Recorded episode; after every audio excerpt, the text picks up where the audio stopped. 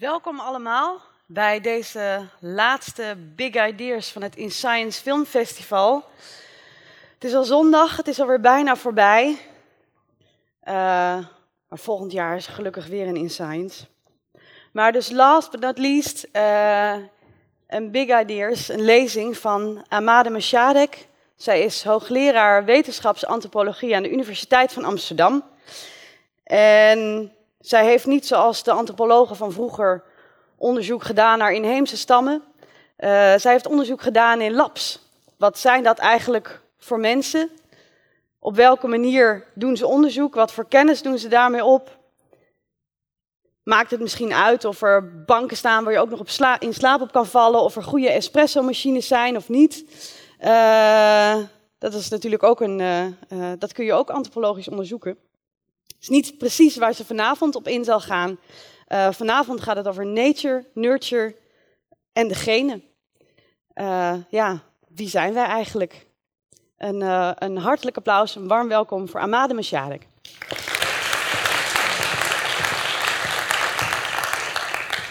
Dankjewel Lisa. En dank aan jullie allen om hier op de zondagavond te zijn. Ja, de titel die zegt net iets anders dan Lisa had geïntroduceerd. Ik dacht naar twee dingen. Um, in het kader van de uh, Big Ideas. Uh, ik vind het belangrijk om al aan het begin te zeggen dat ik hier mijn rol niet zozeer zie als iemand die allerlei antwoorden voor gaat schotelen over wie we zijn, maar vooral ook hopelijk een aantal interessante vragen aan u mee zou kunnen geven waar u nog verder op kunt kouwen of nadenken. En, um, en het andere, het tweede wat ik wil zeggen is, omdat we vanmiddag hebben bijvoorbeeld gesproken over gen en omgeving en gen en gedrag. Uh, dacht ik, misschien is het handig om met dat zeer problematische, uh, heftige begrip ras over dat soort kwesties te denken. Dus ik wil het hebben over hoe dat verschil in het genetisch uh, onderzoek naar binnen is gekomen. En, en nu iets vertellen over, uh, heel kort overigens, over uh, hedendaagse genetica. En, en als we dan dat begrip ras als concept, als casus om mee te denken nemen, nou ja, misschien helpt het ons om de, de vraagstukken rondom gen en omgeving, nature en nurture nog net iets verder te complexificeren. En misschien ook dat, zeg maar, de, de, politieke of normativiteit van, van dat vraagstuk nog eens scherper te maken. Oké, en um, ik wil beginnen, en dat is zeker voor de uh, jongeren onder jullie een, een, een wat lastigere vraag. Ik wilde eigenlijk um, de vraag stellen: wat heeft Mikhail Gorbachev, is de laatste leider van de Sovjet-Unie, met het Human Genome. Dat zijn die mooie groen, rode en blauwe strepen die jullie zien. En ras met elkaar te maken, hoe die drie dingen met elkaar samenhangen.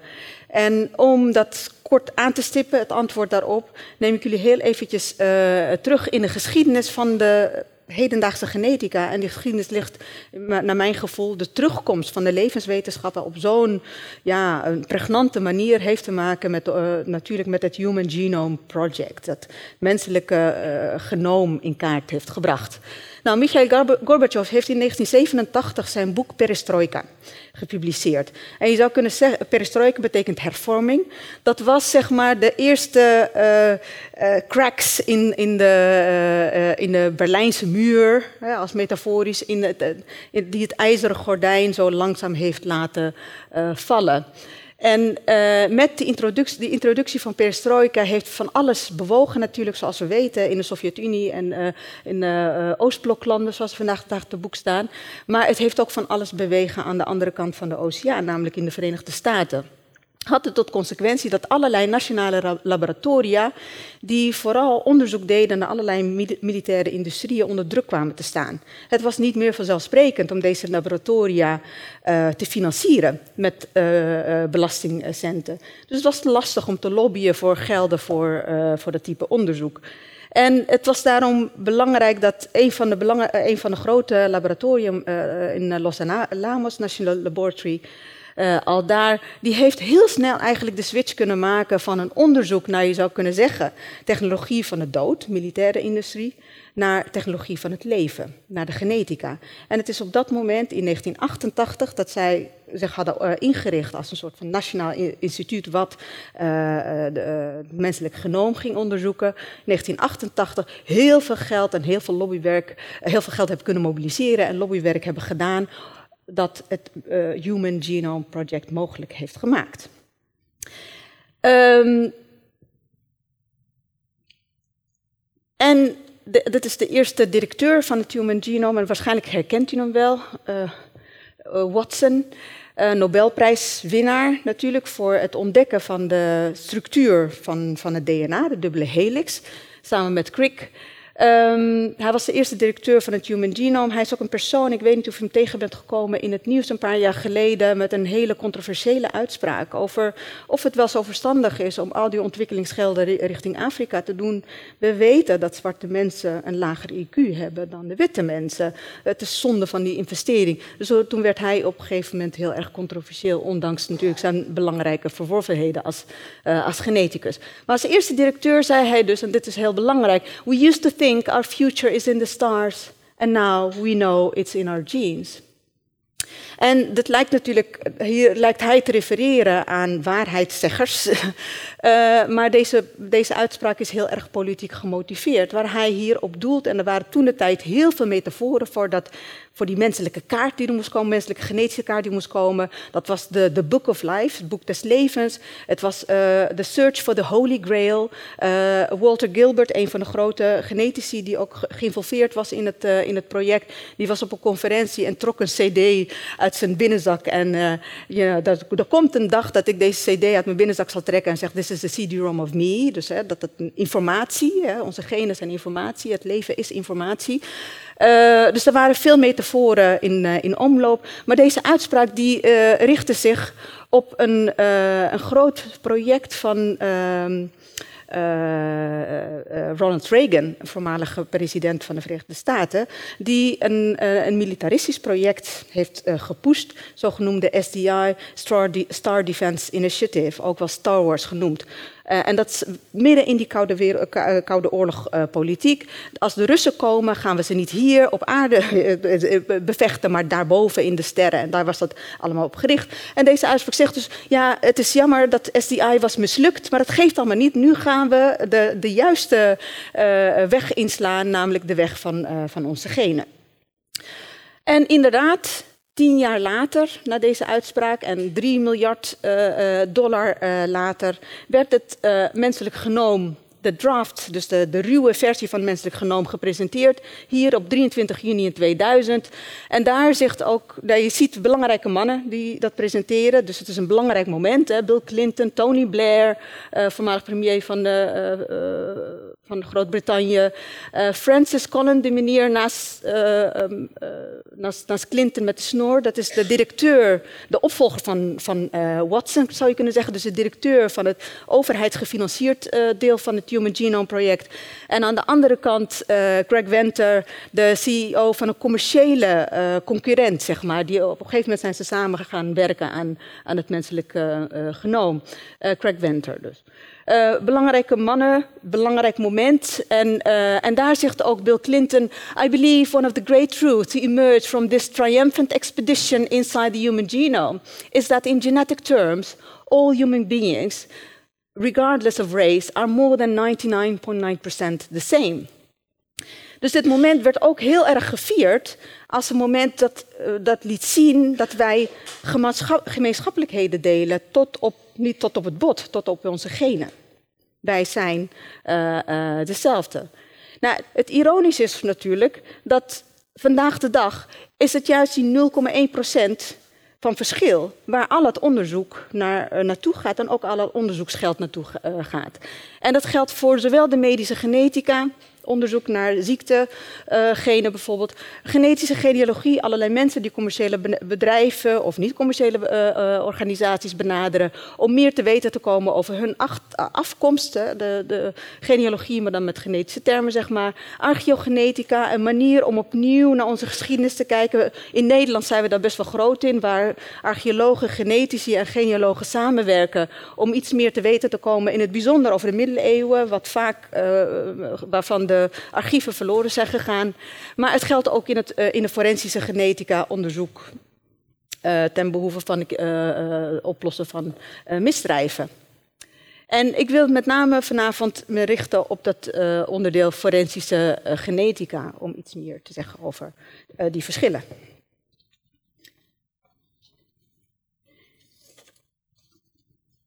En ik ga ervan uit dat u allen uh, behoorlijk ingevoerd bent in het forensisch uh, DNA. Programma's als CSI hebben dat heel erg uh, nou, tot verbeelding doen, doen spreken. dat forensisch DNA heeft de afgelopen 25 jaar ontzettend veel gedaan in de wereld van de criminaliteitsoplossing. Ik denk dat het een hele belangrijke revolutionaire technologie is die veel heeft bijgedragen, maar het heeft zich ook gigantisch ontwikkeld. Waar we in de eerste instantie die technologie gebruikten om een biologische spoor die op plaats delict vindt, in welke vorm dan ook, en een verdachte aan de andere kant die al verdacht is om allerlei andere redenen, om, om die met elkaar te vergelijken, te kijken of ze matchen of, uh, of niet matchen. Als ze niet matchen, dan kan je de verdachte uitsluiten. Als ze matchen, dan moet je verder gaan zoeken of dat er nu ook echt is. Uh, zijn de technieken nu veel meer. Nee, dat, die technologie gebruiken we nog steeds, maar daar en te boven um, kijken we naar of het mogelijk is om een verdachte te genereren. Dus waar we geen verdachte hebben, wel een biologisch spoor, om te kijken of we bijvoorbeeld op basis van de DNA-databanken een, een, een, een, match kunnen, uh, kunnen vinden. Dus zit hij in de databanken, dan hebben we hem. Vaak gaat het over een hij. Uh, uh, een andere mogelijkheid is de zogenoemde verwantschapsonderzoek. Wellicht bent u dat, uh, kan u dus, zich dat herinneren met de Marianne Vaatstra-zaak. Daar is verwantschapsonderzoek voor het eerst gebruikt. Dat kun je doen ofwel met behulp van de databank. En dan ga je ook weer vergelijken. Hè, biologisch spoor, geen verdachte. Je vergelijkt met de databanken. Maar je bent niet op zoek naar een match. Maar je bent op zoek naar een deelmatch. Dus hij moet niet volledig overeenkomen, maar voor een deel, een partiële match. Want als, het, als, je een partiële match hebt gevonden, dan kan dat betekenen dat de verdachte een broer, een vader, een oom of een opa van jou, de persoon die je in de databank hebt. Dat is dus verwantschapsonderzoek. Dus dan ga je rechercheren in de familie van de persoon in de databank. Nou, in de Marianne Vaatsa-zaak hebben we dat niet gedaan met behulp van onze DNA-databanken, maar door een bevolkingsonderzoek ter plekke. Niemand had verwacht dat Jasper S. daar gevonden zou worden. We hadden verwacht dat er een, een, partiële match zou, zou, ontstaan met de mensen al daar in, in Noord-Friesland. En dat we dan via die partiële match achter de echte verdachte zouden komen. Maar hij bleek tussen de, uh, de, de donoren, zoals het heet, te zitten. Nou, een derde, dus eerst de DNA-databank, volgens de, de, de ver, verwantschapsonderzoek is een tweede mogelijkheid. En de derde is onderzoek naar de uiterlijk waarneembare kenmerken van de onbekende verdachte.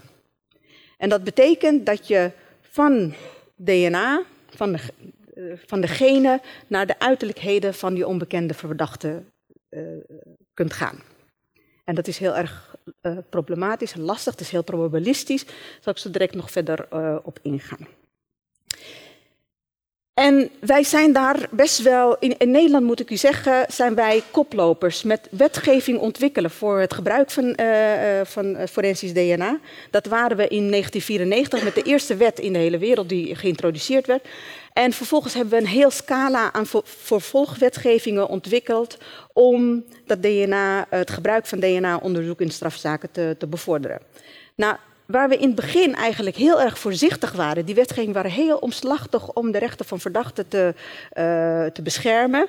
En uh, daardoor zijn er ook contralabs ontstaan in, uh, in Nederland. Dat, dat, dat, dat, ken je niet, dat kennen we niet om in de landen om te zeggen. Zijn we daarna eigenlijk heel erg permissief geworden. En tot deze wetgeving, die is in 2003 geïntroduceerd. Dus wetgeving naar uiterlijk waarneembare kenmerken. toen der tijd waren er heel weinig, uh, was er heel weinig kennis voorhanden eigenlijk om dit, uh, dit onderzoek te kunnen doen. Maar de wetgeving was al voordat, er, uh, voordat de technologie en, en de kennis voorhanden was. Dus we waren, werden heel erg permissief. Mensen om ons heen, onze omringende landen, die dachten echt van we zijn gek aan het worden daar in Nederland. En uh, dit is serieus. Hè? Maar die wetgeving die zegt, het DNA-onderzoek kan slechts gericht zijn op het vaststellen van het geslacht, het ras en uh, of andere algemene maatregelen van bestuur aangewezen uiterlijk waarneembare kenmerken. Dus dat laatste deel zegt eigenlijk, voor de rest weten we niet wat we kunnen doen met genetica, maar als we het eenmaal weten, dan kunnen we dat heel snel regelen en introduceren. Dus dit is een, wetgeving die niet achter de feiten aanloopt, maar voor de feiten. Dat is belangrijk om uh, te observeren. Het tweede is wat ik daar um, heb uitgelicht, het begrip ras. Het is interessant om te zien dat het begrip in ons uh, strafboek voor, uh, wetboek voor strafvorderingen is geïntroduceerd. En daar is ook er zijn vragen over gesteld in de Tweede Kamer van minister, waar bent u eigenlijk mee bezig en wat is het begrip ras? Nou, de minister heeft het uit laten zoeken en toen kwam hij terug van ja, eigenlijk, ja, onze wetgeving kent daar geen definitie van. En de enige context waarin we dat gebruiken is om mensen te beschermen tegen racisme. En daar wordt het uitgelegd als zijnde, uh, wat is dan ras? Ras is dan uh, uh, etniciteit, culturele achtergrond of, of religieuze achtergrond. Dus je ziet hier eigenlijk, het is heel interessant, wetgeving die, die, daar is om mensen tegen racisme te beschermen. De specificeringen die daarvoor nodig zijn, worden hier gemobiliseerd om het begrip ras te introduceren in een hele andere context. Uh, eigenlijk om uh, uh, een, een, een biologische definitie van ras te introduceren in het oplossen van, van misdrijven. Ik moet jullie erbij vertellen dat de genetici die ik ken hier in Nederland heel erg hun best hebben gedaan om de minister hier te stoppen. Om te zeggen, geachte minister, wij, dat begrip ras bestaat niet in de genetica. Wij gebruiken dat niet. Kunt u alsjeblieft het begrip populatie gebruiken? Maar de, hij heeft het toch nog uh, doorgezet.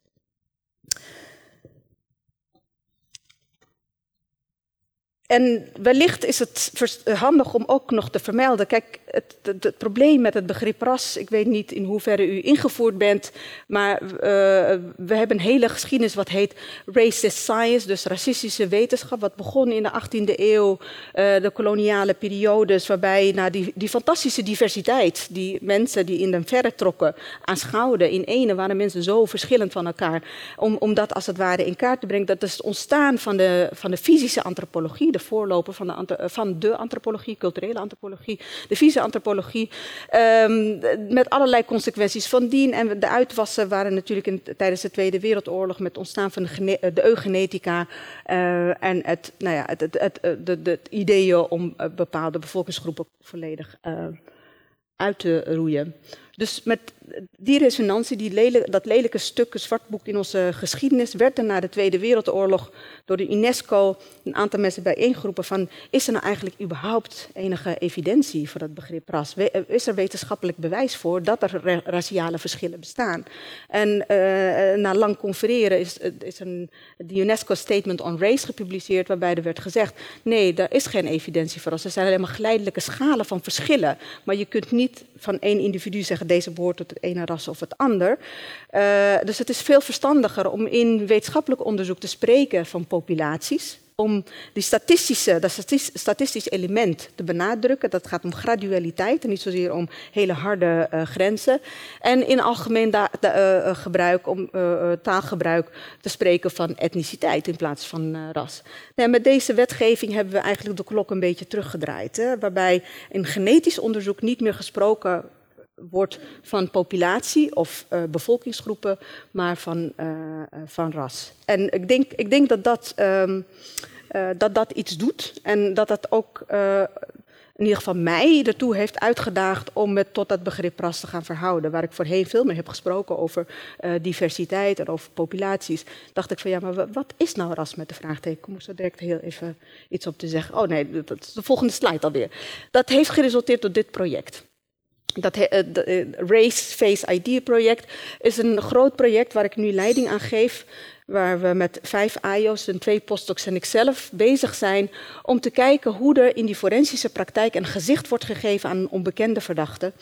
Het ene is genetisch onderzoek. Het middelste ziet u, dat zijn schedelreconstructies. Het gaat dus vaak om slachtoffers daarin. En de derde praktijk is de meest conventionele um, compositietekeningen. Dat kan met de hand of met computer, foto's die in, in, in, in databanken zijn opgeslagen. En in de drie praktijken volgen we zeg maar, van het niveau van de research en uh, development tot en met forensisch gebruik, politiebureaus, in de media en in de rechtspraak. Uh, hoe er in, zeg maar, uh, het gaat uit van de permissie dat je een individu niet kunt kennen zonder die in een populatie te, te plaatsen. En volgen die, die relatie tussen individu en populatie langs al die verschillende praktijken. En ik vraag me af, nou, op welk moment wordt populatie ras? En wat is daarvoor nodig? Dus in dit hele project is het wat is ras met een vraagteken. En niet om het in algemene zin te beantwoorden, niet om een algemene definitie van ras uh, te ontwikkelen, daar hou ik me verder van. Maar eigenlijk om in, in hele concrete praktijken te laten zien hoe ras tot stand wordt gebracht. En wat er allemaal voor uh, nodig is. En ik zal zo direct toelichten dat dat een, uh, een, een, complexer is dan alleen maar een blik op de genen werpen of in de schedel voor dat, that matter. Dus dat is het, het project, de, de achtergrond, de achtergrondcontext van, van dit verhaal. Nou, terug naar die, de eerste praktijk van forensische genetica. Als het gaat om uiterlijk waarneembare kenmerken, het gaat om onderzoek wat in kinderschoenen staat. We kunnen nu genetisch uh, iets zeggen, een uitspraak doen over de geografische afstamming van iemand. Uh, door naar bijvoorbeeld het, de, het mannelijk seksenchromosoom te kijken. Uh, wat alleen maar via de mannen, mannelijke lijn wordt overgeërfd. Of naar mitochondriaal DNA uh, te kijken. Dat is DNA wat alleen maar via de moeder wordt door, uh, moederlijn wordt doorgegeven. Dus moeders geven het door aan hun dochters en hun zonen. En alleen de dochters kunnen het weer doorgeven. En u ziet dat dat een mooie genealogische lijn kan geven in, in de geschiedenis. Dus die twee modellen worden gebruikt om iets te zeggen over de geografische af, afstamming van een onbekende persoon. Uh, de andere voor de hand liggende uh, mogelijkheid is seksen. Uh, identiteit. dat is een kwestie van heeft de persoon XX of een XY. Heeft twee X'en, dan is een vrouw en een X en een Y-chromosoom is een, een, man. En de derde mogelijkheid die we nu hebben, die is in Nederland ontwikkeld, in Rotterdam, door de groep van Manfred Keizer, is een uitspraak over de kleur van, van het oog. En uh, vandaag de dag, sinds kort, ook kleur van het haar. Nou, in, hier ziet het een klein beetje uitgebeeld. Dus we kunnen iets zeggen over oogkleur en iets, iets zeggen over haarkleur. Huidkleur is nog steeds in de, in de research en development fase. Um, hier ziet u ook uh, onderzoek wat gedaan wordt naar de, vorm van neus. Maar het gaat ook over leeftijd, over lengte, uh, uh, gewicht. allerlei markers, zou je kunnen zeggen, worden nu bekeken als mogelijke indicator van, van de identiteit van een onbekende persoon. Recentelijk is er ook in Rotterdam, ook weer die groep van Manfred Keizer, is er onderzoek gedaan naar een, een, een aantal genen die iets zeggen over de vorm van het hoofd van het gezicht, de, met name het bovenste deel van het gezicht, daar hebben ze zeven genen geïdentificeerd. Uh, heel belangwekkend onderzoek, maar is nog niet klaar, zal ik maar zeggen, voor, uh, voor forensisch gebruik. Waarom hier de, op, op de slide heb gezet, is om u heel even bewust te maken Um, wij hebben geen definitie van ras, ook al denkt de minister dat wel te kunnen, de voormalige minister. Uh, biologisch bestaat er geen definitie van. Um, we, in, in, in het dagelijks gebruik gebruiken we allerlei andere definities, zoals cultuur, etniciteit, uh, uh, zelfs linguïstische achtergrond, linguïstische familie van, van de taal die gesproken wordt. dus hoe wil je in de praktijk ras leren kennen? Nou ja, dat was voor mij een hele belangrijke ook, uh, onderzoeksvraag. En ik kom er eigenlijk steeds meer achter dat je de geschiedenis van uh, wetenschappelijke praktijken mee moet nemen om te begrijpen hoe in het hier en nu ras wellicht een rol zou kunnen komen te spelen. Nou, wat u hier ziet zijn, ik heb het net gezegd, een aantal genen die geïdentificeerd zijn, dat is gemaakt op basis van uh, uh, MRI-scans die zijn gemaakt van hoofden van verschillende individuen die aan het onderzoek deelnamen. Maar het is heel belangrijk om te weten dat om zo'n MRI-scan te maken en om daar kennis van, van te kunnen nemen, moet je ook kennis hebben van deze praktijk. En hier gaan we dus echt onmiddellijk terug naar de, uh, de, de, de, fysische antropologie zoals we dat kennen in het begin van de uh, eh, 20e eeuw. Waarin wel degelijk um, bevolkingsgroepen gedeeld werden in raciale types. Dus het typologische uh, wetenschappen. Die protocollen die toen de tijd zijn ontwikkeld, die zijn vandaag de dag nog steeds relevant in de hedendaagse praktijk. Je kunt daar niet zonder. Dus het feit dat die geschiedenis ingevouwen is in hele moderne, uh, digitale soorten van kennispraktijken, zou wel eens een, uh, een clue kunnen zijn als je wil onderzoeken van op welke manier ras en, of het raciale verschil weer opduikt. Nou, de tweede reden, dus de eerste reden voor het onderzoek Race-Face Idea was um, het feit dat ras terugkwam in onze wetgeving, in, uh, in het strafrecht. En de tweede reden waren eigenlijk deze, deze plaatjes. Nou, deze plaatjes, u wellicht bekend uit musea of oude prentboeken. die, dat, dit, dit waren gewoon plaatjes die circuleerden overal. de kennis die eigenlijk uit de koloniën meekwam hier naartoe. En, en bij deze plaatjes, die, die hingen bij mij op het instituut, um, Instituut voor Antropologie, de afdeling Antropologie, hingen ze daar. En ze hebben me eigenlijk een soort van uitgelokt. Elke dag als ik binnenkwam en een praatje hield met de portier waar die plaatjes hingen, zat ik dus naar deze plaatjes te kijken. En ik heb daar eigenlijk van geleerd van dit zijn plaatjes die ons uitnodigen om raciale types te kennen, om ze te leren kennen. We zijn niet, natuurlijk niet gewend verschillen je, je, je wordt niet geboren met een gave om verschillen te identificeren tussen mensen. Dat is iets wat je in de dagelijkse praktijk door mensen tegen te komen en ze te, eh, te klassificeren uh, leert doen. En deze plaatjes deden precies dat. Het zijn eigenlijk te technologische devices of tools om dat verschil te leren doen. Maar het interessante is dat als je naar deze plaatjes kijkt, gaat het niet alleen maar om gezichten van mensen dus het gaat niet alleen maar om lichamelijke kenmerken. Die plaatjes, daar is heel veel uh, kleding, klededracht. Uh, uh, mensen hebben oorbellen of tattoos of andere sieraden aan. en dat, het komt eigenlijk als een pakket. Dus dat betekent dat we kunnen dat die klassificaties niet doen alleen maar op basis van lichamelijke verschillen, maar we doen ze in, uh, op basis van een relatie tussen lichamelijke verschillen en gezichtsvormen en wat er met het gezicht komt. Manieren van haardracht, kleding, uh, sieraden, etc.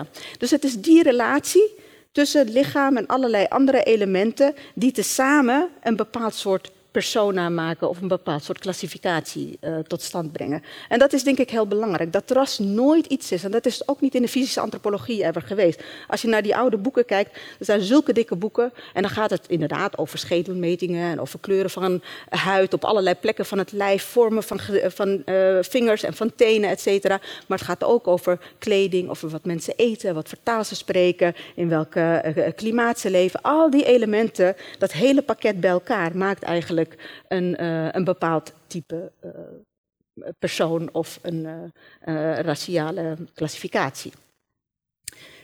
Dus zo wens ik ook naar die, uh, ik had het net over die gezichten die ik zo graag wil onderzoeken, zo wens ik ook naar die gezichten te kijken. Ik heb een casus onderzocht in, uh, uh, in, in België, in Brussel, de zogenoemde MP3-casus, waarbij twee jongens werden gezocht die verdacht waren van het vermoorden van een, een jonge man omdat hij zijn MP3 niet wilde afgeven. Nou, die jongens stonden te boek als de Marokkanen.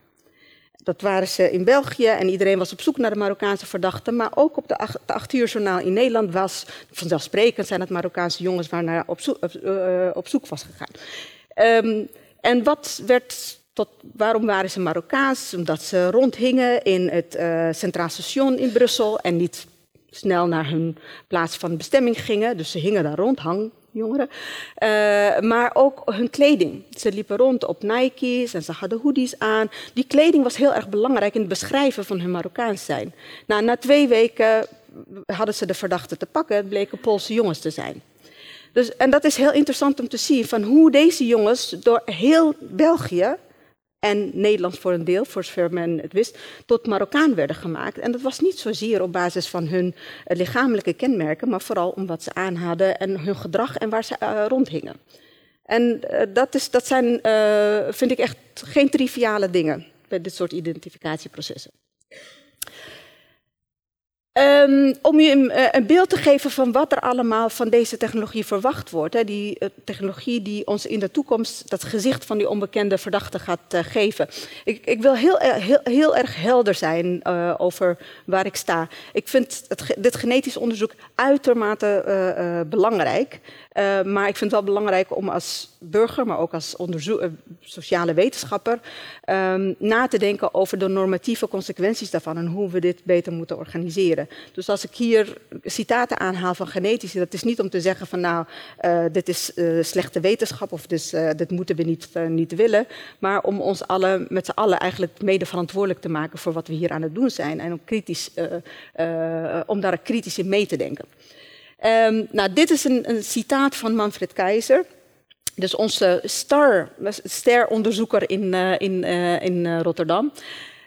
en hij heeft dit, dit is in een meer populair forensisch magazine waarin hij, dat, waarin hij dit schrijft. Hij zegt daar, imagine a world where a near perfect likeness could be created from trace DNA evidence collected from the crime scene. This phantom image could be printed, distributed, and used to identify a suspect. Should forensic sketch artists put away their charcoal pencil then? Not quite yet. In truth, forensic DNA phenotyping is a nascent science, but the potential exists. The science work just needs to be done. Dus dit is wat we uiteindelijk moeten we echt uitkomen bij een soort van foto van de onbekende verdachte. En die foto wordt verspreid onder ons met z'n allen als burgers. En wij moeten meehelpen in het identificeren van die ene verdachte.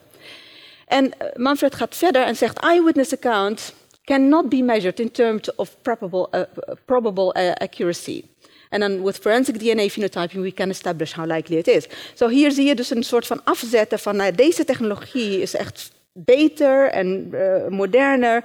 En dan kunnen we die uh, achterwege laten. En daar is natuurlijk veel om te doen, zoals u weet, uh, hoe waarheidsgetrouw die kunnen zijn en hoe serieus je die moet nemen.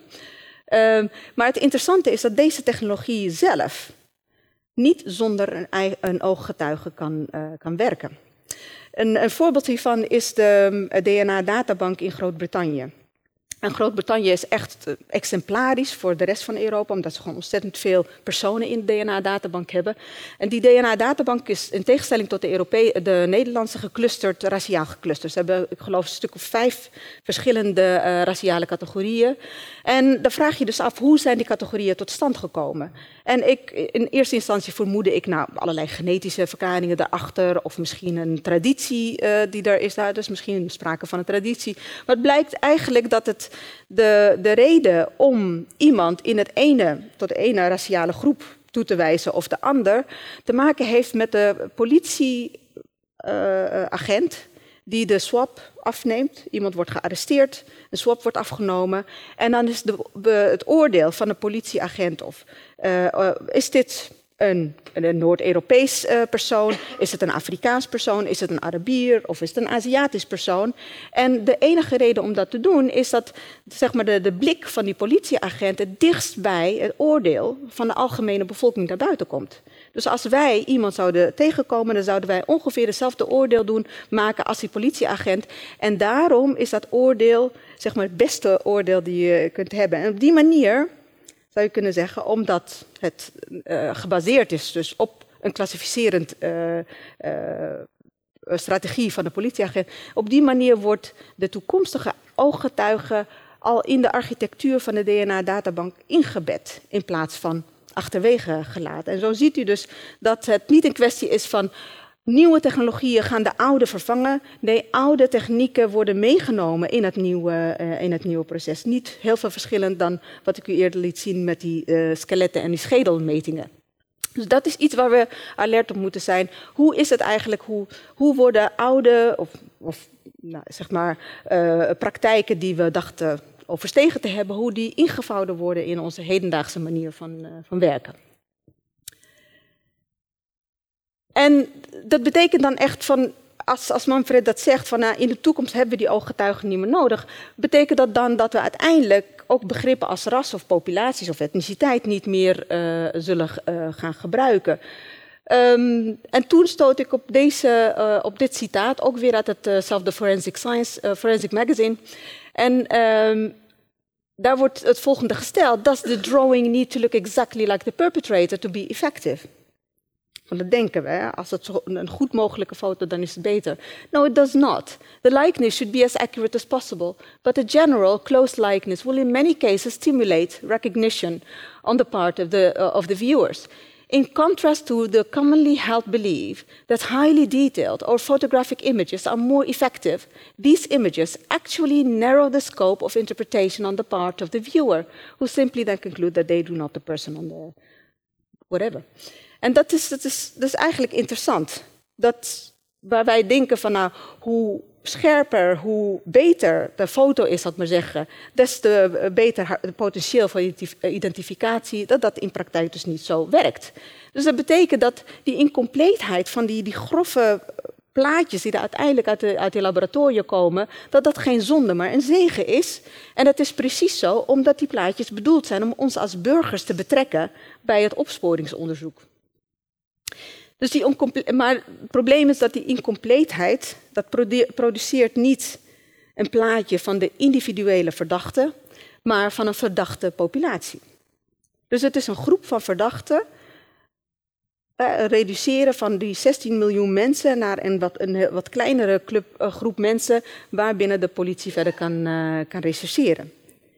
Nou, dat is natuurlijk problematisch, omdat die technologie vooral werkt in minderheidsgroeperingen. En zoals jullie allemaal weten, in de Marianne Vaatstra-zaak wisten we al in juni 2000 dat verdachte waarschijnlijk een Noord-Europese man is, waarschijnlijk een Nederlander.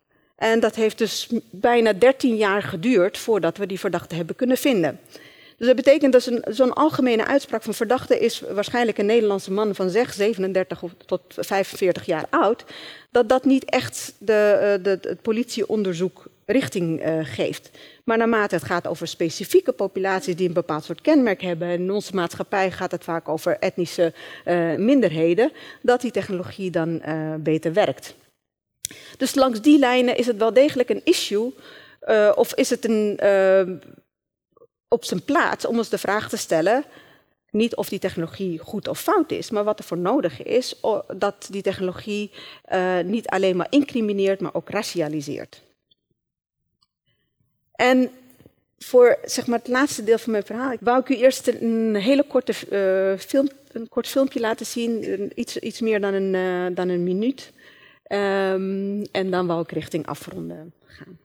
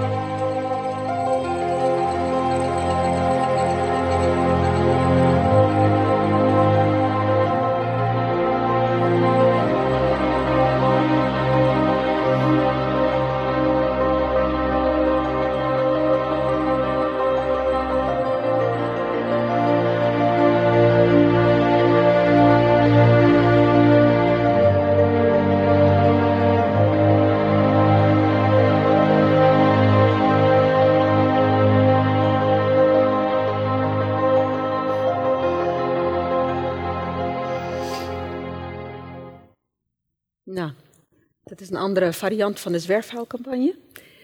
En ehm, in Hongkong dus een commercieel bedrijf die die technologie, forensische technologie van DNA-fenotypering, dus het geven van gezicht of bepalen van een fenotype op basis van, uh, van de genen.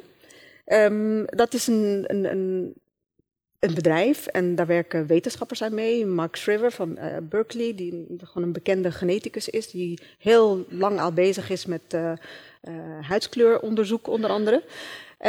En Peter Klaas in, in Leuven, die vooral goed is met fotofitting, dus met alle databanken vol met foto's en, en die op allerlei intrigerende manieren aan elkaar combineren.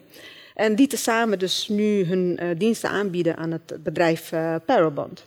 En uh, dat bedrijf heeft zich hier in Hongkong uh, naar binnen gewerkt, maar momenteel in de Verenigde Staten en in Canada zijn ze actief om politie te assisteren bij het vinden van een onbekende verdachte. En een van hun eerste zaken is um, uh, deze zaak, dat, die meneer daar aan de linkerkant, dat is een, verdachte in een zaak, een dubbele moord van moeder en haar dochtertje in, uh, in uh, South Carolina. Ik ga niet in op, zeg maar, dit is hun, commercial, hoe, hoe, zij bij kunnen dragen aan het oplossen van, van het misdrijf. Um, nou, deze jonge man, daarbij um, uh, ziet u dat het gaat dus om een, uh, om een meneer, zijn, zijn, zijn huidskleur uh, donker, dark olive. Um, ogen bruin, haarkleur ook bruin. hij heeft geen, geen last van, hoe heet dat, freckles, sproetjes. en heel waarschijnlijk is hij, of heel waarschijnlijk 92% West-Afrikaans en 8% Noordwest-Europees. Uh, het is heel belangrijk om hier nog een keertje te, uh, op te merken dat alle kennis hier, behalve dan seksen, waarschijnlijk de seksenmarker, uh, is probabilistisch. Um, maar het wordt hier wel gepresenteerd alsof we te maken hebben met een een, een, een, echt bestaand persoon. Dit is het gezicht van een echt bestaand persoon. Als je beter kijkt, dan zie je natuurlijk een symmetrisch gezicht. En geen van, van ons allen heeft een symmetrisch uh, gezicht. Dus het gaat hier, hoewel het de allure heeft, of de uh, soort van esthetische uh, van, een, van een, individueel portret van één persoon, gaat het hier om een geaggregeerd persona. En dat is de. Ik bedoel, ik ben heel erg benieuwd of het gaat werken in deze zaak. Deze zaak loopt al drie maanden, dus ik ben benieuwd uh, uh, of ze hem gaan, uh, gaan vinden en, hoe hij er dan uitziet, hoe, ze, hoe zijn gezicht zich verhoudt tot, tot dit beeld. Eén dingetje nog over dit bedrijf heeft te maken met um, hoe dat oude in het nieuwe ingevouwen wordt. En dit is een wat complexere citaat die ik gegeven, maar ik heb een paar dingetjes eruit gelicht. Um, dit is de paper waarin deze technologie gepresenteerd wordt. En daar worden dingen, uh, woorden gebruikt als traditionally such physical complexities is simplified. Dus in het oude onderzoek werd het gesimplificeerd. En hier hebben wij a more impartial and systematic approach to modeling facial morphology. Um, DNA-based facial composite uh, uh, construction. We first use genomic ancestry. Dus ze kijken van wat ze doen is, ze hebben dat biologisch spoor gevonden. Dan gaan ze kijken in een DNA-databank. Van, nou, wat is een genealogische afstand? Waar ongeveer moeten we deze persoon situeren? Is het man of vrouw? En dan vervolgens waar moeten we het ongeveer situeren? Nou, dan zeggen ze Noordwest, of in dit geval, ja, Noordwest-Afrika. Vervolgens gaan ze dus uit hun databanken alleen maar die foto's eruit halen in hun eigen databank van Noordwest-Afrikaanse uh, uh, mannen. En daar gaan ze dan verder kijken van nou, welke. Uh, dan gaan ze verder kijken naar 24 locaties op het DNA.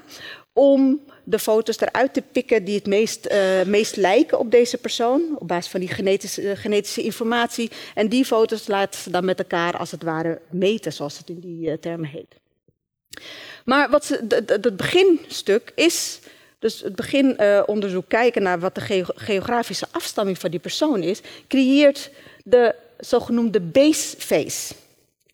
En dat klinkt heel erg uh, fancy en heel erg in de termen van uh, nou ja, van, van, van uh, complexe fenofitting gebaseerd op allerlei uh, ingewikkelde uh, modellen, computermodellen. Maar de baseface is eigenlijk niets anders dan terug naar de, het raciale type, wat we in de 19e en 20e eeuw ook hebben gedaan.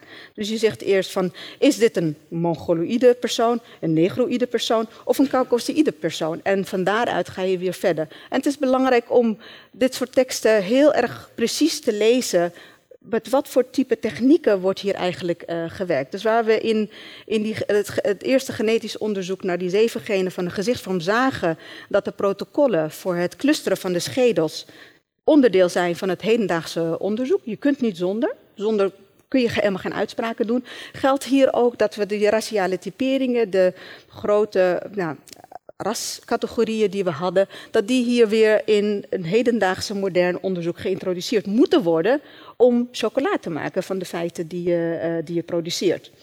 En hiermee maak ik geen normatieve uitspraak van dat je dit niet moet doen, maar feit is dat we het moeten doen. En wat betekent dat dan als we dit soort categorieën introduceren in, uh, uh, in dat onderzoek? En uh, dit, is, dit is een casus en, en, ook de wetenschappers die wil ik nader onderzoeken, um, interviewen en bekijken welke technieken ze precies gebruiken, ook op dagelijkse uh, basis, om echt meer te weten te komen over uh, hoe we deze technologie moeten nou, faciliteren. En ja, wellicht ook om voorzorgsmaatregelen te kunnen nemen als samenleving. Dan mijn laatste um, slide. En dat is eigenlijk om u nog een beetje uh, alerter te maken voor dit, voor dit type uh, onderzoek en wat het betekent. Ik bedoel, het is heel makkelijk om de genetica en de levenswetenschappen te omarmen als we het hebben over uh, ziektes of bepaalde stoornissen waaraan we ons storen, zal ik maar zeggen, op het individuele niveau. Maar het is belangrijk om ons te realiseren dat we met die genetica ook allerlei sociale categorieën aan het biologiseren zijn. En wat betekent dat dan? Wat voor, hoe moeten we daar als samenleving mee, mee omgaan? Het biologiseren van, uh, van verschillen, of het nou gaat over seksenverschillen of uh, etnische verschillen of andere families, nog een andere belangrijke categorie. how to deal with that? En voor ras is het natuurlijk belangrijk dat wij als samenleving die, die Tweede Wereldoorlog, de excessen van, van de raciale wetenschappen, dat die nog vers in het geheugen zijn. En na de Tweede Wereldoorlog hebben we gedacht van nou oké, er is geen bewijs voor en uh, dat was een vreselijke periode. Wij doen dat gewoon niet meer. Wij doen geen ras meer en we, hoeven ons ook niet meer er tegenaan te bemoeien. We gaan gewoon een, een betere en nieuwe weg in. En ik denk dat we ons daarmee tekort hebben gedaan. Ik denk dat het niet helpt om te zeggen van nou, dat, dat is geweest als een boek die we dicht hebben geslagen. Het is belangrijk om ons de vraag te stellen, hoe werkt die praktijk mogelijk door nu? Hoe resoneert dat met, met de, de, onze manieren van werken vandaag de dag, onze manieren van ons tot elkaar, uh, uh, tot elkaar verhouden? En daarbij moet ik zeggen dat ik het zeker in het geval van ras belangrijk vind om ons met, met die plaatjes die ik u liet zien, met, met uh, al die verschillende gezichten en, en, en de klededrachten, et cetera. Het is belangrijk dat we ons realiseren dat als we het hebben over wat ras is of wat biologische verschillen zijn, dat die verschillen niet zozeer of niet alleen in en op het lichaam zijn, maar ook van het lichaam zijn. Dat betekent hoe dat lichaam zich verhoudt tot allerlei andere factoren en kenmerken die we toeschrijven aan sommige personen en niet aan, uh, aan anderen. Want ik denk dat we juist door het in het Engels heet het to decenteren. Dus het, eh, om het een beetje ruimte te geven aan het lichaam, dat het niet alleen maar in en op het lichaam opgeslagen is, maar dat het een, relatie is tussen lichaam en allerlei andere elementen. Dat we op die manier een wat kritischer uh, potentieel kunnen ontwikkelen en ons kunnen waken voor een, een soort van re-essentialisering van, van verschillen. Want ook als je er kritisch tegenover staat en je zegt van wij doen geen ras meer, dan lijkt het alsof je weet wat ras is. Namelijk datgene wat wij niet meer willen doen. Dus ook in, in, zo'n type kritiek kan juist een soort van essentialisering uh, schuil gaan. Daar wil ik het bij laten.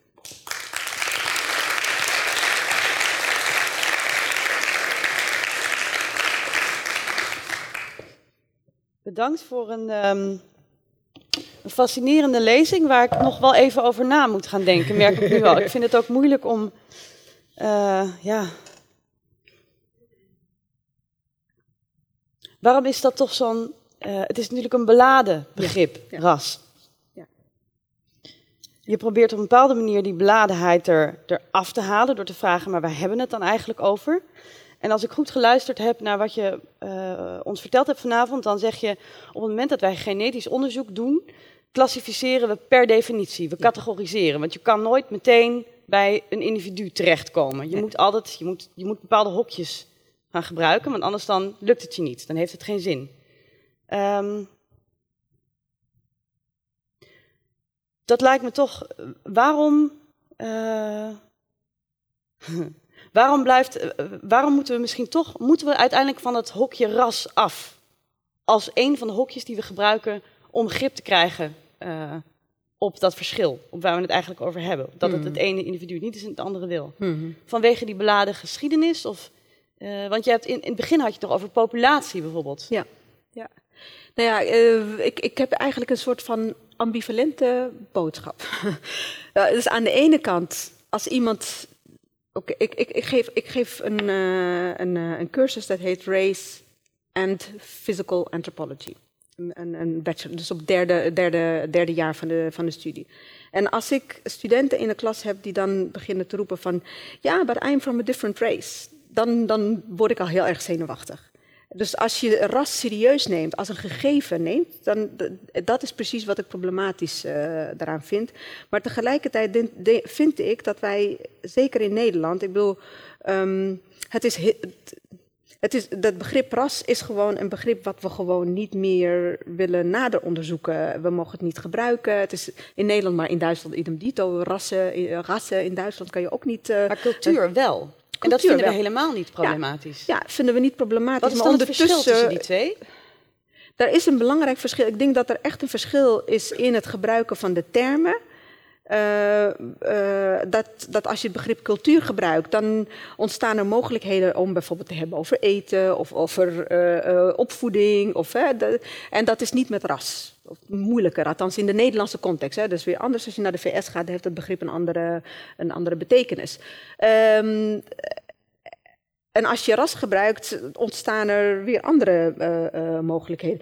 Maar ik, het probleem is dat wij eh, weliswaar cultuur gebruiken, maar vaak ook in verdekte ra- eh, raciale eh, vorm. Namelijk als je van die ene cultuur bent, dan kan je niet het andere zijn. Hè? Ja. Want er daar is echt iets essentieels verschil, verschillend. Ja. Ja. dat wordt bijna gebiologiseerd. Zelfs de religie wordt soms bijna gebiologiseerd. En dat is heel erg... eh, Dat, Maar in principe zou je van cultuur kunnen veranderen, in theorie. Maar van ras veranderen, dat kan dan niet. Nou, in mijn begrip ja, natuurlijk. Je doet gewoon wat anders aan en dan ben je in een andere ras. Ja, zeker. Ja, ik, ik wil het niet heel erg trivialiseren of frivoliseren, is het niet hoor. Het is veel te belangrijk. Maar in feite is dat wat aan de hand is. Ja, ik, ik zit te denken aan die. Ik denk dat het de ene laatste slide was. Over die, de man waar nu dus naar gezocht wordt. Die Ja, ze een ja. gezicht proberen te geven. En daar gaat het dus, je gaf, je gaf ook heel duidelijk aan. Het gaat over procenten waarin iemand waarschijnlijk dat en dat is. Ja. Procenten, maar dat is eerst wat ik denk, procenten waarvan? Eh, en wat is dan het beginpunt? Of wat is dan de 100 procent? Of het, soort de, het pure waar het naar verwijst? Mhm. Waar die man dan 92 procent van mee overeen zou komen? Dat is een goede vraag. Die kun je alleen maar empirisch eh, beantwoorden. De- In de zin van procenten van aantal eh, genetische markers die je, eh, die je onderzoekt. heeft ook te maken met hoeveel mensen je in de databank hebt waarmee je dat vergelijkt.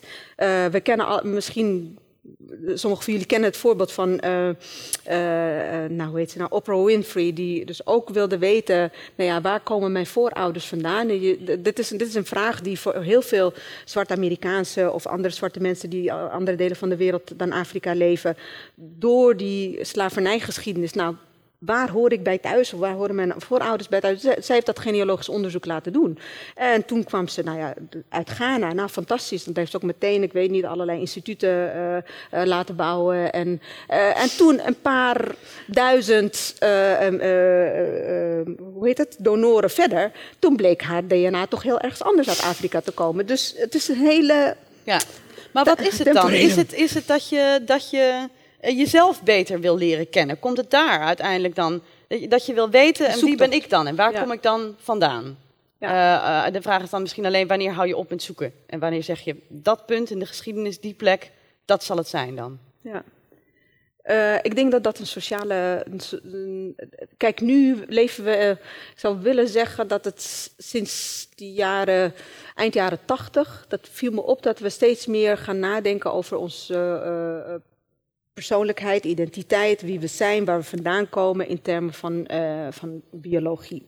Ja. Uh, dat, ik, ik weet niet of mensen hier dat nog mee hebben gemaakt, dat we op een gegeven moment wetgeving gingen ontwikkelen, dat het mogelijk werd voor uh, kinderen die hoe noem je dat, geboren zijn op basis van uh, sperma, do, van spermadonoren, dat zij terecht kregen om te weten wie hun vader was. Nou, dat is niet altijd zo geweest. En dat was een heel belangrijk proces. Dat je biologische ouderschap heel erg belangrijk werd bevonden. Dat was eind jaren tachtig dat die wetgeving uh, kwam. En dat is onderdeel van een heel proces van de, het belang van die biologische identiteit. Nou, leg dat nog eens tegen het moment waarin we zijn van globalisering. Dat uh, mensen het gevoel hebben van ja, wie zijn we nou eigenlijk helemaal ook als natie? dus de identiteit is een big thing uh, op het moment. En daar hoort, het, uh, hoort het bij thuis. Dus het is een vrij ingewikkelde kluwe. Ja, ja want ik, ik, uh, ik heb.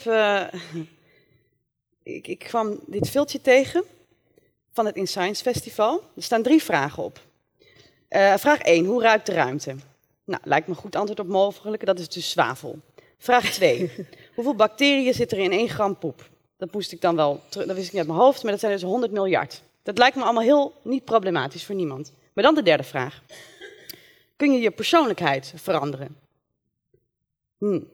En als antwoord wordt gegeven: nee, je persoonlijkheid ligt vast in je genen. Je kunt wel je gedrag veranderen door nieuwe vaardigheden aan te leren. Ik ben eigenlijk wel benieuwd. Ja, ik ook. Uh, in antwoord dus op vraag 3, wie zegt nee, je persoonlijkheid ligt echt vast in je genen? Dat ben, dit is gewoon het antwoord op deze vraag, klopt. Iemand? Niemand. Twee. Twee, ja, ja, ja. ja. ja. Persoonlijkheid in de genen. Persoonlijkheid in de genen. Ik vond hem eigenlijk wel gedurfd. Uh, maar waarom is dat dan. Uh, waarom is het moeilijk om te zeggen, ja, dat ligt gewoon vast dan? Dat kun je daarin vinden. Of waarom vind ik dit in ieder geval problematisch en blijkbaar ook een groot deel van de zaal? Ik, ik denk, kijk, het, je kunt zeggen personen zijn in de genen, in de sterren of in uh, uh, voedselpatronen. We weten het niet. Dat is niet onderzocht. Dus het is eigenlijk ook een hypothese. En het is misschien een belangwekkende hypothese. En het is misschien een hypothese waar een aantal studies daar een vermoeden toe geven. Maar het is, niet, het is geen uitgemaakte zaak. Waarom eigenlijk niet? Omdat dat onderzoek gewoon niet is uitgevoerd. Volledig. Dan zou je dus uh, uh, van hele groepen mensen, verschillende groepen mensen, met elkaar vergelijken. En, dat, ze dan ook nog eens voor al hun genen moeten onderzoeken die relevant zijn voor, voor persoonlijkheid. Nou, dat is gewoon miljarden en miljarden en miljarden voor onderzoek. Ja. gelden aan onderzoek. dus die kennis hebben we niet. En wellicht is het ook, kost het ook gewoon tijd om, om dat antwoord te vinden. Ja. ja. Maar is het, misschien is... niet ook omdat een begrip als persoonlijkheid gewoon al heel erg ingewikkeld uh, is. En dat we het eigenlijk misschien helemaal niet over eens zijn waar dat precies te vinden is. Misschien wel net als met ras bijvoorbeeld. Uh, probeer het maar eens vast te leggen. Ik zou, de, de, dat zou dan mijn hypothese zijn van inderdaad, het is een, A, een complex, uh, een complex begrip. En B, zijn er, uh, zeg maar, het leven bestaat niet alleen maar uit biologische elementen. We zijn, er zijn nog zoveel elementen die bij dat leven komen kijken, die het leven de moeite waard wa maken of die het leven mogelijk maken. Uh, en, uh, en die zouden eigenlijk op een equal voeting moeten staan met, uh, met de biologie qua onderzoeksvraag. Ja, ja. Want je hebt dus veel onderzoek gedaan ook in, in genetische labs, dus ook om te kijken nou, wat, wat voor onderzoek daar precies wordt gedaan. je had het net ook over al ja, biologische identiteit, hè, dus de, die manier. Denk je dat we tegenwoordig te veel te veel op zoek gaan naar de biologische oorsprong van dingen? Of denken een soort antwoord in de genen te vinden, dat daar, dat daar dingen inderdaad vast liggen. Bijna, uh, ja, het woord essentialisme veel eerder al. Mm -hmm. Dat we daar te veel uh, ons op blind staren misschien, dat het daar te vinden is. Nou ja, ik denk, en ik, ik, kijk ook een beetje in de zaal, maar ik denk wel dat daar is in de afgelopen twintig jaar wel iets veranderd. Dat de levenswetenschappen echt een belangrijk onderdeel is geworden van hoe we kennis uh, tot ons nemen en ook kennis vergaren over onszelf. Dus in, in die zin is dat is gewoon een, een, een hele relevante. Uh, het is onderdeel van onze cultuur geworden, laat ik het zo stellen. Um, en je vraag was nog eventjes terug. Uh, nou, staren we ons niet te veel blind op, op, op degene. Dat we denken daar allerlei antwoorden op vragen te vinden, ook omtrent onszelf. Omtrent ja. onze persoonlijkheid, uh, ziekte, gezondheid. Ik denk dat het uh, uh, ja en nee. Zo in, in de media en uh, als je kijkt naar het onderzoeksgelden, dan is dat, dan lijkt de, genetica en de, de, de neurobiologie of de neurowetenschappen um, antwoorden te beloven voor allerlei vragen die, die we hebben. Maar ik vraag het me af hoe het in de dagelijkse praktijk is van mensen. Heel veel, heel veel mensen die gebruik maken van allerlei commerciële tests. Hè, waar ze hun uh, DNA naartoe sturen en daar worden een, heel cluster aan genen voor hen in kaart gebracht. Uh, en vervolgens doen ze er niks meer mee. En dus dat geeft het ook aan. Dus het is ook zo'n moment van je wel willen identificeren met en, en, kennis willen nemen van nou misschien zit daar iets in waar ik iets mee kan. Maar het is niet heel anders dan een goede raad die iemand je misschien geeft nou, met een beetje voorzicht hoor. Het is anders dan eh, als het gaat over een bepaalde ziekte of een, vreselijke aandoening. Maar in, in, eh, over het algemeen, dus het gebruik maken van die commerciële test, is het maar de vraag in hoeverre we dat heel veel meer waarderen dan allerlei andere toegangen en kennispraktijken die we tot onze beschikking hebben. Ja.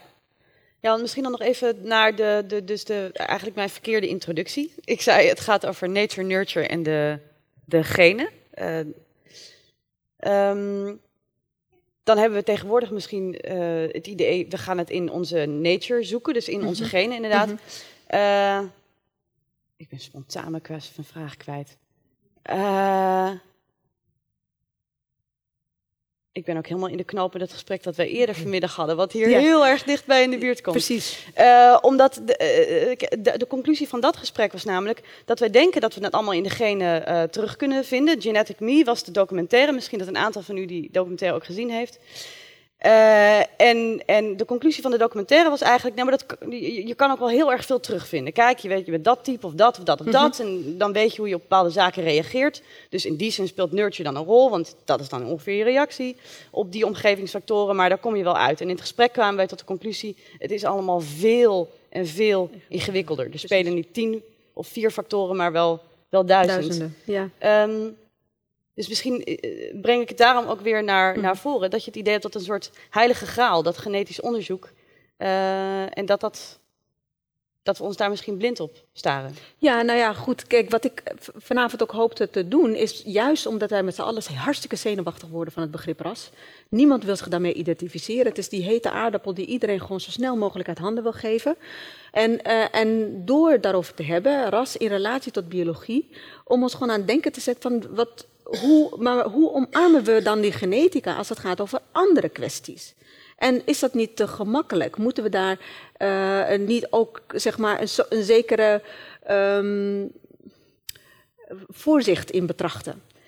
Uh, en daarmee is is dus niet gezegd van de genetica of de levenswetenschappen doet er niet toe. Het doet er wel degelijk toe, want ik heb me altijd geïrriteerd aan sociale wetenschappers, mijn collega's, die altijd maar dachten van nou, uh, uh, het gebeurt allemaal in het hoofd. Hè, dus dat denken, dat is het belangrijkste. En de biologie, dat is maar bij, of dat is slecht en essentialistisch. Hoezo? Ik bedoel, zonder dat lijf valt er gewoon niet te denken of valt er niet te werken. Dat doet er toe en we moeten kennis nemen van die biologie, dat is belangrijk.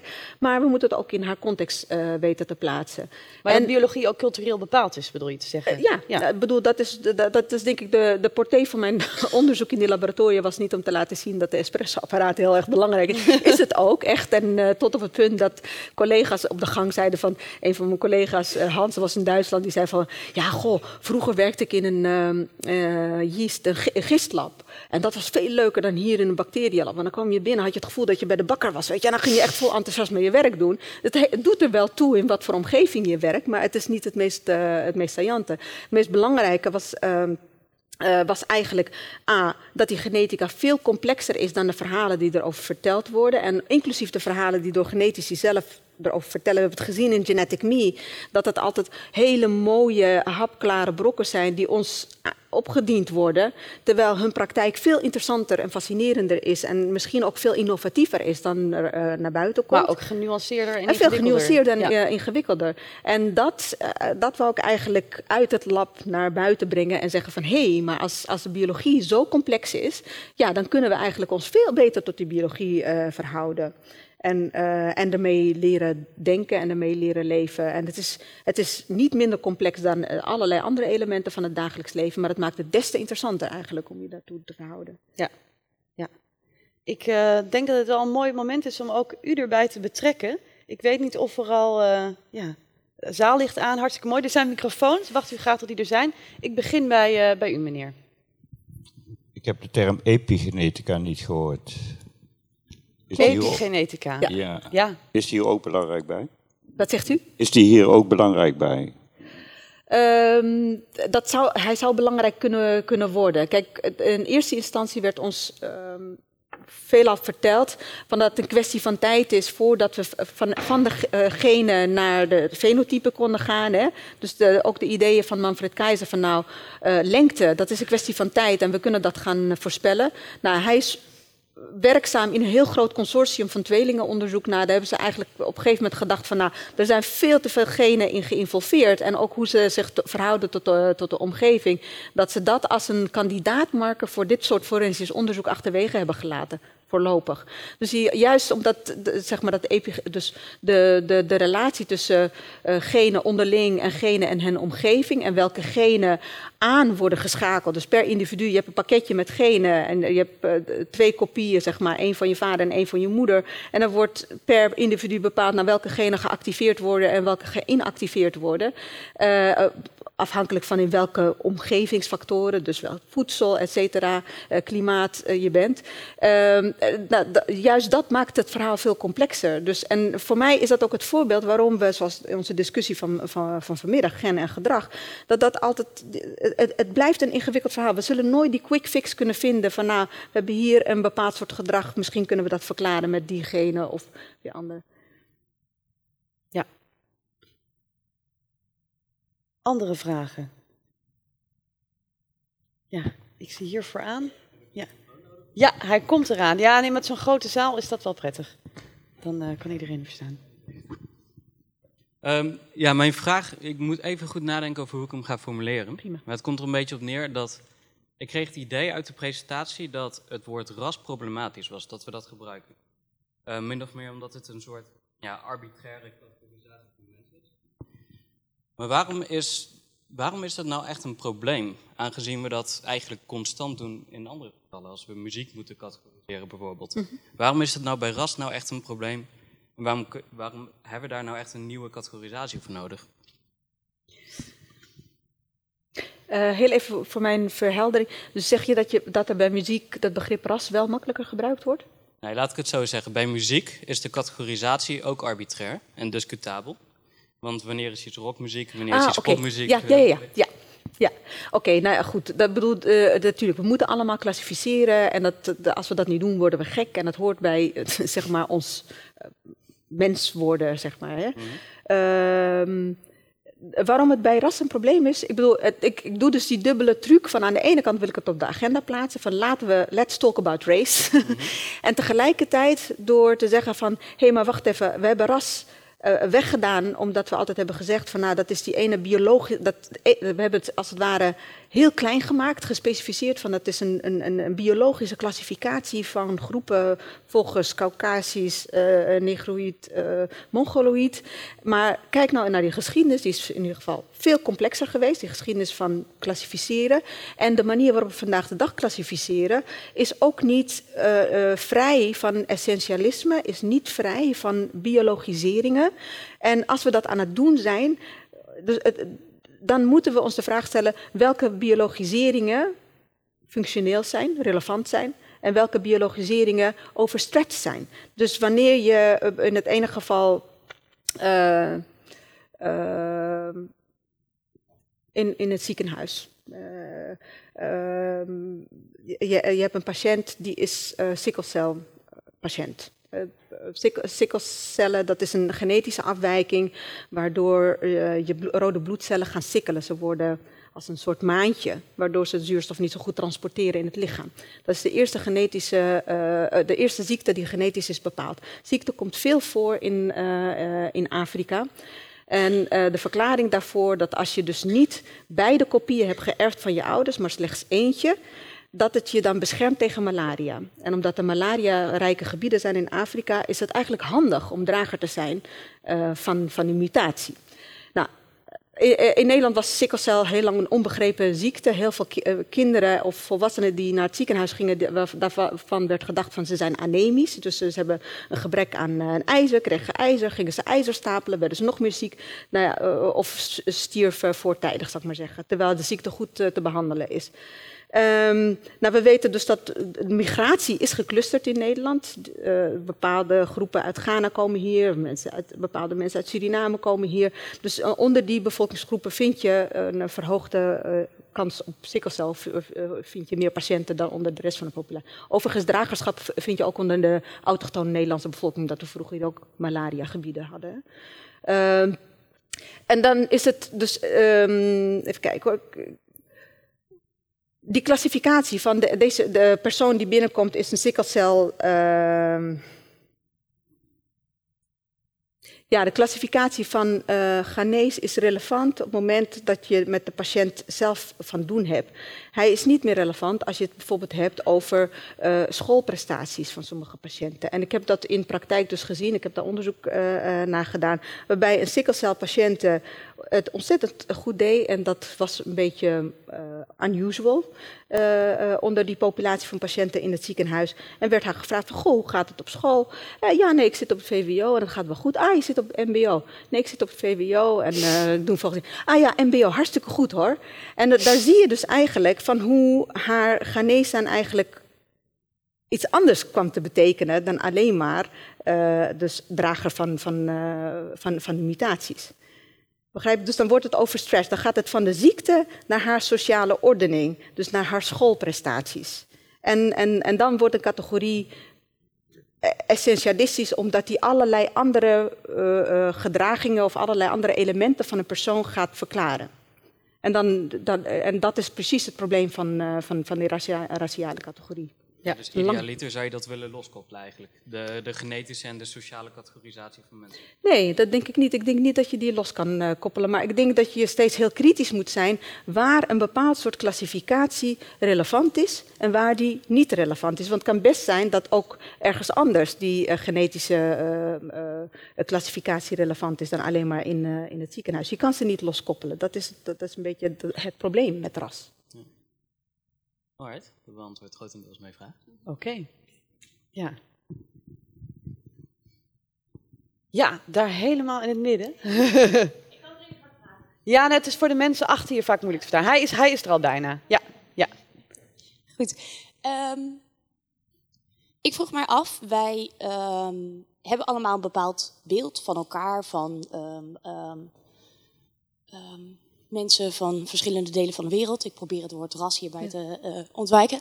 Um, maar er zit iets ontzettend subjectiefs in. Ja. En is er straks door middel van deze gentechnologie het mogelijk om dat zo objectief te maken dat het niet meer uitmaakt um, zeg maar, wat, wat jij van misschien een bepaalde, uh, wat de vooroordelen zijn, of het subjectieve wat je in je hebt voor een bepaalde bevolkingsgroep, dat je doordat het zo objectief in de gentechnologie naar voren komt, dat dat wordt weggestreept. Is, is het een heldere vraag? Nee, ik geloof dat ik je vraag wel begrijp. Maar ik, ik denk niet dat we. Kijk, dat is het interessante aan de genetica. Juist dat naarmate je meer kennis vergaart over uh, mensen op, op niveau van de genen, is dat het plaatje uh, complexer wordt. Dat het moeilijker wordt om mensen te, uh, te clusteren. Dat de geschiedenissen van onze voorouders steeds ingewikkelder blijkt te zijn. Want in het begin hadden we natuurlijk zo'n naïef idee van... nou, de mensen ontstonden in Afrika, gingen uit Afrika en verspreidden zich over de wereld. Nou, binnen no time wisten we dat ze ook teruggemigreerd waren... en dan weer uitgemigreerd waren, op een andere manier uitgewaaid uh, zijn gewaaid. de, de, maar vervolgens ook die hele koloniale geschiedenis, die heeft ook zijn impact gehad. En, dus we zijn allemaal hele rare mixen. Van, uh, dus je kunt, zo, als, als ik het heel uh, prozaïs uh, zeg, zou je hier ons, zoals we hier bij elkaar zitten, op alle mogelijke manieren kunnen clusteren. Afhankelijk van welke genetische markers je zou, je zou willen gebruiken. Dus een objectieve manier om mensen in vakjes, die bestaat niet. En dat is precies eigenlijk de, de portée van welke normatieve vraagstellingen hebben wij. Dus op, wat is onze vraag en op welke manier ordent dat? De mensen en, uh, en, en, de wereld om ons heen. En wat is het effect daarvan? Hè? Wat, wat, wat, voor goeds doet het? Wat levert het op, zou ik maar zeggen? En voor wie? Maar wat voor consequen consequenties heeft het aan de andere kant? En het, ik denk dat de, het idee dat we op een gegeven moment de oplossing hebben en een objectieve blik en uh, dat er uh, geen subjectiviteit meer in het spel is, dat dat een soort van naïeve wens is die niet in vervulling zal gaan. Dus het betekent dat wij gewoon let us stay with the trouble and deal with it. Het is, het is gewoon, een, het, het leven is messy.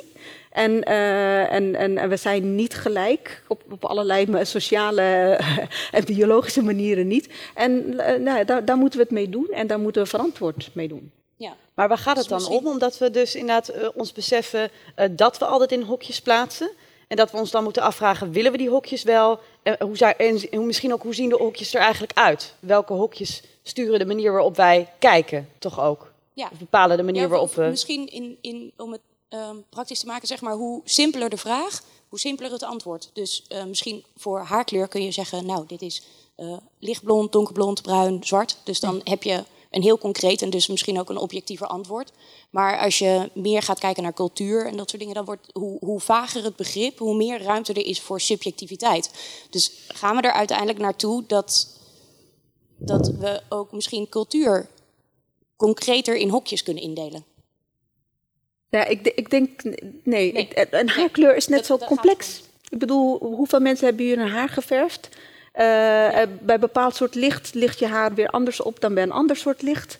En dat is de complexiteit van die ooggetuigen in het dagelijks leven. Uh, zit die rood haar of is het haar blond? Uh, is het donkerder of lichter? Juist als je naar die concreetheid van de praktijk gaat, dan zie je eigenlijk hoe complex het is. En in plaats van die complexiteit weg te masseren en daarvan te abstraheren, is het verstandig om die complexiteit te omarmen en te zeggen: ja, oké. Zo, wat zijn dus de consequenties? Welke goede antwoorden kunnen wij geven gebaseerd op al die ingewikkeldheden, in plaats van te veronderstellen dat we dat allemaal maar eventjes in een mooie definitie kunnen vangen en dan weer door kunnen gaan? Ja. Want dan eh, eh, kom je met antwoorden, zeker. Maar of die antwoorden ook wel resoneren met de, met de werkelijkheid, dat is de kwestie. Ja. ja. ja. Oké. Okay. Ja, ik zit er maar even de zaal in te turen. Ja, ik zie hier vooraan. Of nou, een beetje in het midden. Ja, de microfoon komt eraan. Um, ik begreep dat u ook uh, met genetici praten over hun onderzoek. Um, praten we ook over het begrip, begrip ras en wat, wat vinden zij ervan? Moet, dat, dat het kan blijven worden gebruikt? Of? Nee. Uh, nou, oké, de genetici waarmee, waarmee ik praat, dat zijn redelijk uh, uh, breed geïnformeerde genetici. Um, die, die, nee, die, dus als ik ze vraag van nou, vertel me wat is de relevantie van dit begrip in jouw werk? Nul. Daar doen we niks mee. Nee, het gaat, het gaat om uh, gradaties van verschillen. Het begrip ras heeft geen enkele definitie in menselijke uh, genetische diversiteit. Um, maar het betekent niet dat alle genetici erover denken. Dus er zijn ook andere genetici die um, proberen onderzoek te doen.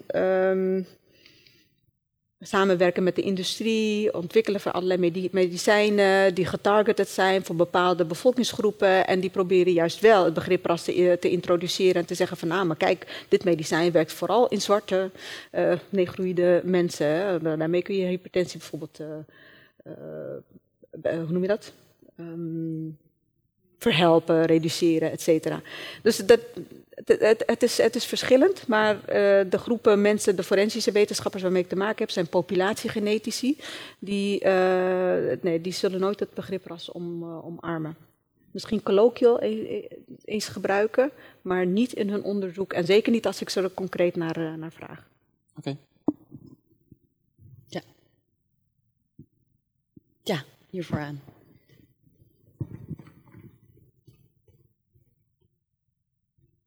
Ja, ehm, ik heb even een vraag over iets ook wat in de inleiding stond van deze lezing. Er werden natuurlijk een aantal vragen eh, opgeworpen. En één vraag waar ik nog niks over gehoord heb, is: eh, zijn we voorgeprogrammeerd en bepaalt ons geneset hoe ons eh, leven gaat verlopen? Dat is iets waar nog niet echt over gesproken is. Kunt u daar iets meer over vertellen? We- eerst met een disclaimer dat ik ehm, daar zelf geen onderzoek naar heb gedaan. Ik ben geen gedragsgeneticus en, eh, en mijn onderzoek heeft zich vooral gericht op populatiegenetische studies en niet zozeer hierop. Maar ik, bedoel, ik, ik, lees, ik lees me wel suf in dat, eh, in dat veld. Ehm, en ik heb daar een, een bepaald standpunt over. Ik denk dat die ook wel doorklinkt in de antwoorden die ik, eh, die ik eerder heb, eh, heb gegeven. Ik denk dat het idee. eh, de vraag naar epigenetica is, is genoemd. Hè? In hoeverre gen en omgeving een rol spelen bij hoe we uiteindelijk functioneren als biologische organismes. Dus dat maakt het al complexer. Eh, en dan heb je er ook nog iets als, eh, eh, als mens zijn, zijn wij nog complexer dan andere dieren doordat we taal hebben, doordat we cultuur hebben, doordat we mogelijkheden tot reflectie hebben, doordat we niet alleen maar als individuen ons ontwikkelen, maar ook als sociale gemeenschappen ontwikkelen. Ehm, kan het eigenlijk niet zo zijn dat, dat het alleen maar degenen zijn die, die ons determineren, die onze persoonlijkheid determineren. Dus ik, ik, ik, denk dat het verhaal complexer is. En als dat zo is, dan zou- zou- zouden er ontzettend veel rampen zijn gebeurd, want onze kennis van de genetica is behoorlijk beperkt. En tot nu toe hebben we toch behoorlijk kunnen redden met allerlei andere manieren om onszelf te verrijken in de culturele zin van, eh, eh, van het woord. Om onszelf beter te leren kennen, om eh, met anderen allerlei interessante relaties aan te gaan. En ik denk dat we dat serieus moeten nemen. Waarmee niet gezegd is van de genetica is alleen maar een soort van basis waarop de rest gebouwd is. Er is een ingewikkelde eh, interactie gaande. Maar we hebben ook andere handelingsperspectieven dan alleen maar onze genen kennen. En als onze genen niet helemaal goed zijn, eh, eh, dan moeten we die gaan repareren. We kunnen ook op een ander niveau reparaties verrichten, om maar zo te stellen. Ja. Maar dan gaat het dus ook... Of sorry, jij wilde nog iets vragen? Ja, misschien word ik wel gevoed door wat jij zegt.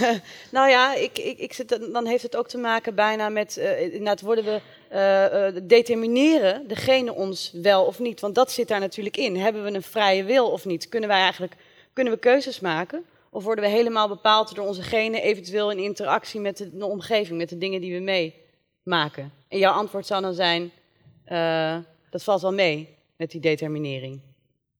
Ja, tot op zekere hoogte. Kijk, kijk als je eh, eh, echt ontzettend ziek bent, dan, dan, en dat is een genetische, genetische aandoening, natuurlijk heeft dat zo'n grote impact dat er heel moeilijk bij te sturen is. Maar voor de, zeg maar, het grootste gedeelte van de, van, van de bevolking is dat niet aan de hand. Uh, of is dat veel minder aan de hand dat er een hele specifieke aandoening is die heel erg pregnant aanwezig in het leven van, van personen. En daar is veel meer ruimte voor allerlei andere manieren om. Ik bedoel, als, en je zou kunnen zeggen van dat is voor een deel ook biologisch, maar we nemen koffie tot ons, we nemen alcohol tot ons, we nemen allerlei pilletjes. Uh, er zijn allerlei manieren waarop we invloed uitoefenen op ons gedrag dan alleen maar wat, wat, wat, ons, wat degene ons mee hebben gegeven. En precies daar zie je eigenlijk die interactie tussen cultuur en natuur, zou ik willen zeggen. Dus eigenlijk wat u zegt is dat degenen wel samenwerken met andere Ja. uh, omstandigheden. Ja. En Ja. is er dan uh, al wel iets bekend over wat dan de bijdrage is van degene hierin? Nou ja, wat ik, en ik, ik bedoel, ik leer van mensen zoals Han Bren- Brenner, die v- vanmiddag hier was, beperkt. We weten eigenlijk nog heel erg weinig. En voor hele um, nou ja, vreselijke genetische aandoeningen, vaak monogenetische aandoeningen, kunnen we dat, uh, dergelijke uitspraken maken. Maar voor het grootste gedeelte, ja, misschien zitten we hier met z'n allen bij elkaar bij allerlei, met allerlei mutaties. En, en toch zijn we gelukkige mensen en leven het leven wat we leven. Hebben ze niet zulke grote impact op, op wat we doen of wie we zijn. Ja. Dus tot slot, want uh, ik uh, kreeg net een seintje. Oh. Het is alweer bijna voorbij. Ja. Um, we weten dus eigenlijk heel weinig. Wat weet jij hopelijk aan het einde van dit onderzoek? Oh, eh,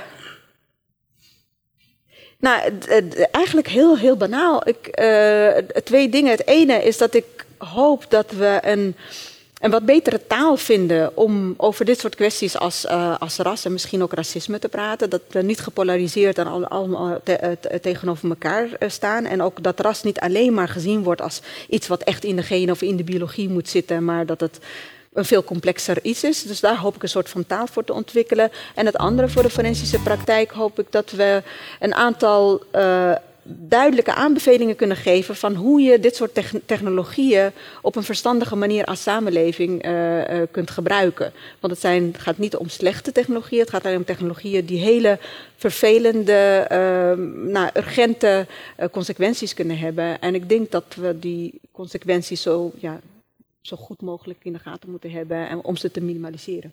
Ja, oké. Bedankt voor de lezing, het gesprek. U ook bedankt. En eh, nog een hele fijne avond. Het duurt waarschijnlijk niet heel lang meer. En volgend jaar in Science zien we u hopelijk weer. Bedankt.